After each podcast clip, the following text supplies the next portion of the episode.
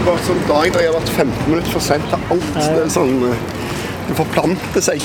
Mange jern i elden, og litt forsinka fra møtet med forlaget om Jon Michelet-biografien han skriver på. Men nå er vi her, på Jungstorget i Oslo, under statuen av en mann med slegge, tilegnet arbeiderbevegelsens pionerer, står det.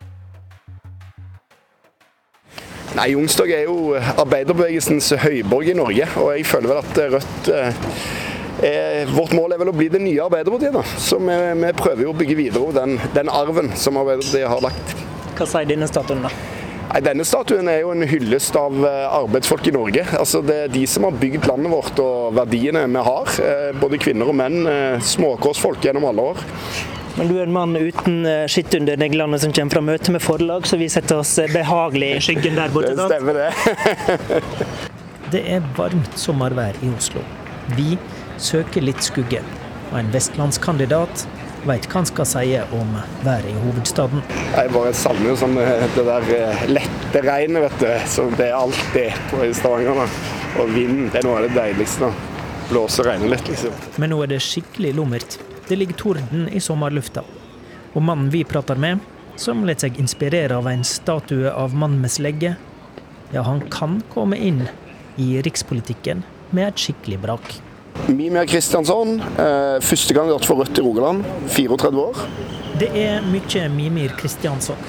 Den tidligere Klassekampen-journalisten skriver innlegg og bøker, uttaler seg om det meste og figurerer i media enten han sover eller øvelseskjører. Du er en ganske gjennomintervjua fyr. Tror du det er mulig at vi kan komme inn på noe nytt i løpet av 15 minutter? Nei, det, det kanskje ikke. Kanskje ikke. Men det hadde vært deilig å snakke litt politikk, da. Og ikke bare om eh, snorking og, og bil, billappen, som vel er det jeg er mest intervjuet om om dagen. Og vi lover å prate politikk. Men vi tar utgangspunkt i privatlivet. I boka 'Mamma er trygda' skriver Kristiansson gripende om den kreftsyke mora. Om skam, utfordringer med Nav, om trang økonomi. Syns du Norge skal bruke mer penger på trygd?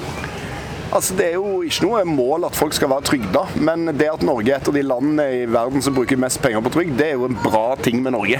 I Zimbabwe bruker de ingen penger på trygd, kroner null.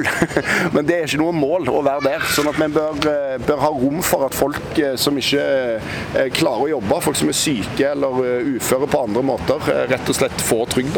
Så for meg er det ikke noe mål at folk skal, skal bruke mer penger på trygd, men det er egentlig ikke noe mål at vi skal bruke noe mindre penger på trygd heller. da. Altså Det foregår en storstilt mobbing av trygda og uføre mennesker i Norge. Og det er folk med makt og penger og innflytelse som står for den mobbingen.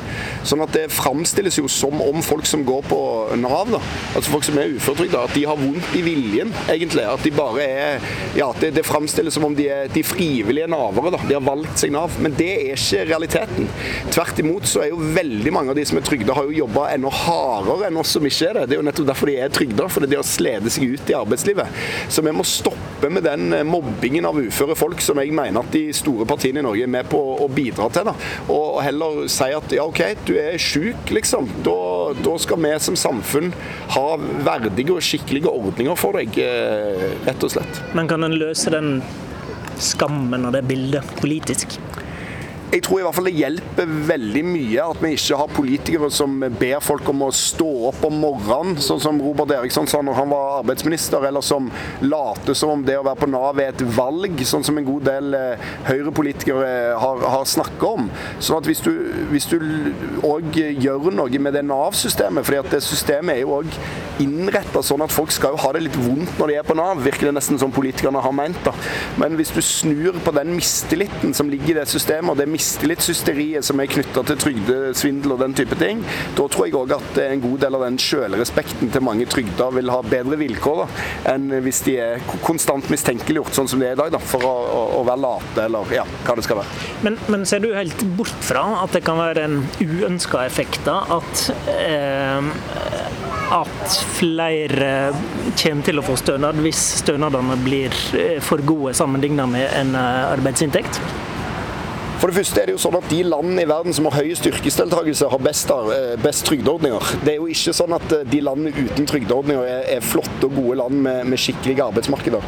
Men jo da, det kan sikkert finnes en og Jeg har aldri møtt en trygda person jeg, som er det av fri vilje. Jeg tror ikke det er noe kjekt for folk å være, men jeg skal ikke utelukke at det kan finnes en eller annen person i Norge som er, er naver eh, på, på, av egen fri vilje.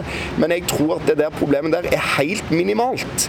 Derimot så tror jeg det er et veldig ekte problem at folk som er syke, folk som har slitt ut og ødelegger kroppene sine på hardt arbeid, blir mistenkeliggjort og dårlig behandla i Nav-systemet. Det er et problem som gjelder mange hundre tusen folk, og at det fins fem-seks naver et eller annet sted, det endrer ikke på det problemet. Så, så det spørsmålet er på en måte Det bør man egentlig stille på hodet jeg.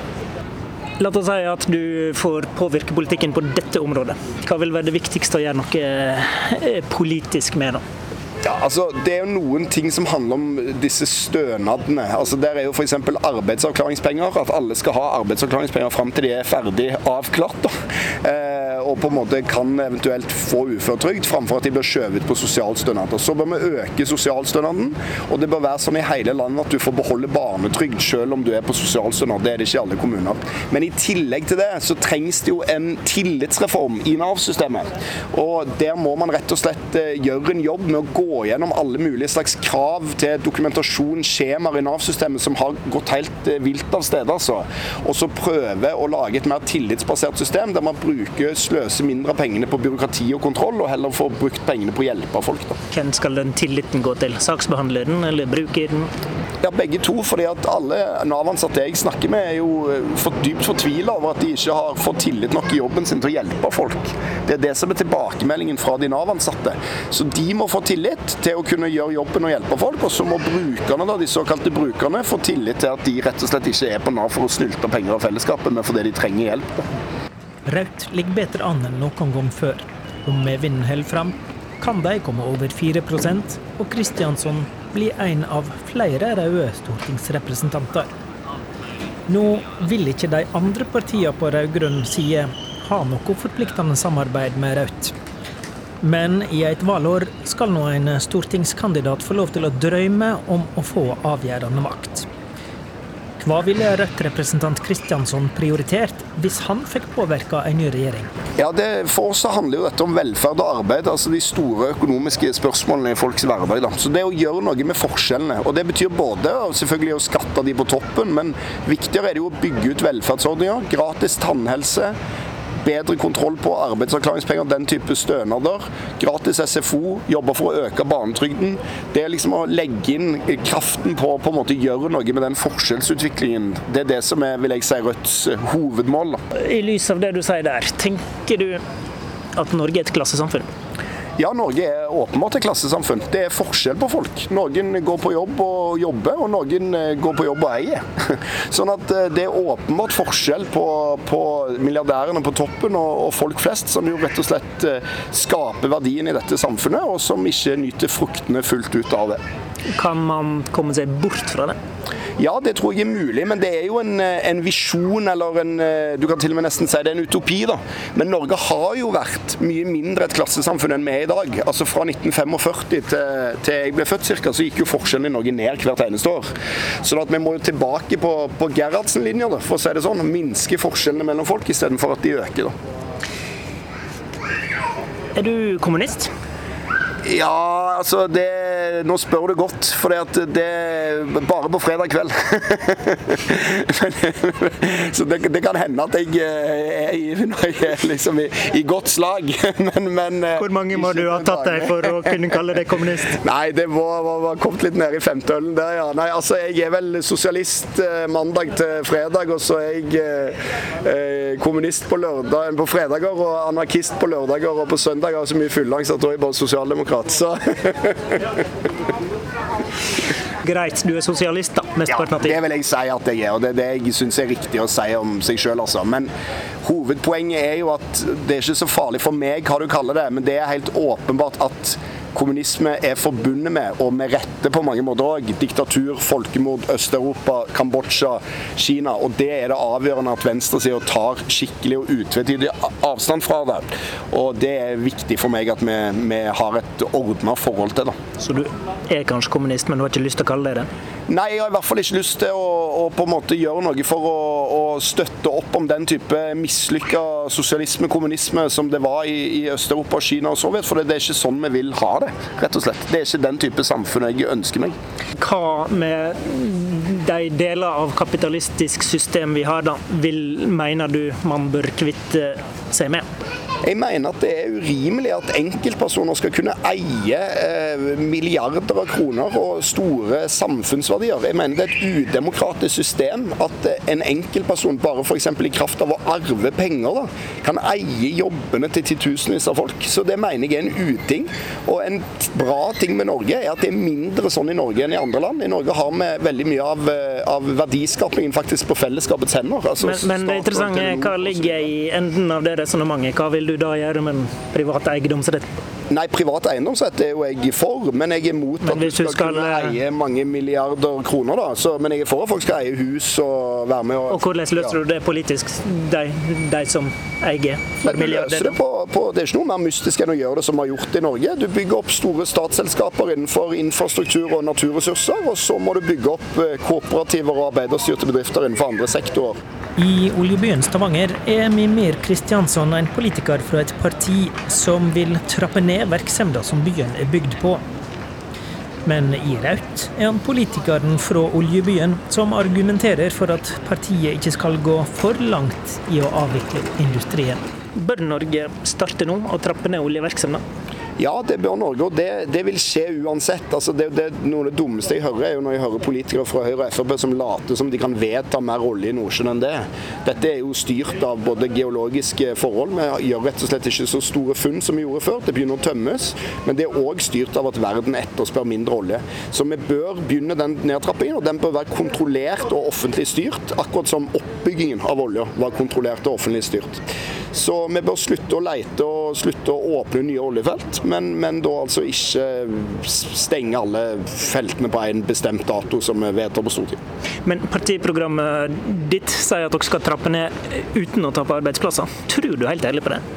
Ja, altså Hvis jeg skal være helt ærlig, da, så er jo det sånn Det er litt sånn floskelpolitikk, det der. Men jeg tror det er mulig for oss, hvis vi har en kontrollert nedtrapping av olje, å bygge opp andre næringer samtidig. Og så tror jeg det blir dritvanskelig. Det tror jeg det blir. Men jeg tror ikke det er noen vei utenom. Og jeg tror det blir tapt mye flere arbeidsplasser hvis du skal fortsette den ensidige oljedriften som norsk økonomi har vært på, helt fram til verden ikke etterspør olje mer. Hva tenker du om stimulansepakkene som ble gitt til olje- og leverandørnæringene under um, koronakriseforhandlingene i Stortinget? Nei, Jeg var jo tilhenger av at de skulle få en stimulansepakke, men jeg syns at den eh, løsningen som var nå, ble altfor naiv. At man ikke hadde noe utbyttebegrensninger, at man ikke stilte noe krav til hvordan pengene skulle brukes. At man ikke krevde f.eks. at det skulle satses mer på utvikling av grønn industri, den type ting. da. Hva har vært positivt i koronatida for deg? Altså, Jeg syns ikke det har vært noe positivt, men jeg syns det har vært noe jævla drit, for å være helt eh, ærlig. Og jeg, eh, jeg, er ikke noen introvert person, så jeg er glad i å treffe folk. Jeg er glad i å være ute på byen, jeg er glad i å være på konsert, jeg er glad i å være på, på møter, jeg er glad i å reise. Så, så, jeg har ikke fått noe glede ut av det i det hele tatt. altså. Men er det noe å lære av koronatida? Ja, koronaen har jo på mange måter vist oss, tror jeg, eh, at vi er mye mer ulike i Norge enn vi liker å tro. Sånn at når f.eks. velgerne nå sier at ulikhet, sosiale forskjeller er den viktigste saken for dem, så er det jo fordi korona har vært med på å, å være en øyeåpner for folk. Altså hvor urettferdig egentlig mye av det norske systemet faktisk er. Da. Så om du fikk nok ut av koronatida, så var det et politisk argument? Ja, nettopp. Så jeg ble enda sikrere. Fikk bekrefta alle mine meninger fra før. Og hvis du skulle framheve noen som overhodet ikke er enig i det resonnementet du gjorde nå, av dine politiske motstandere, hvem har du sansen for?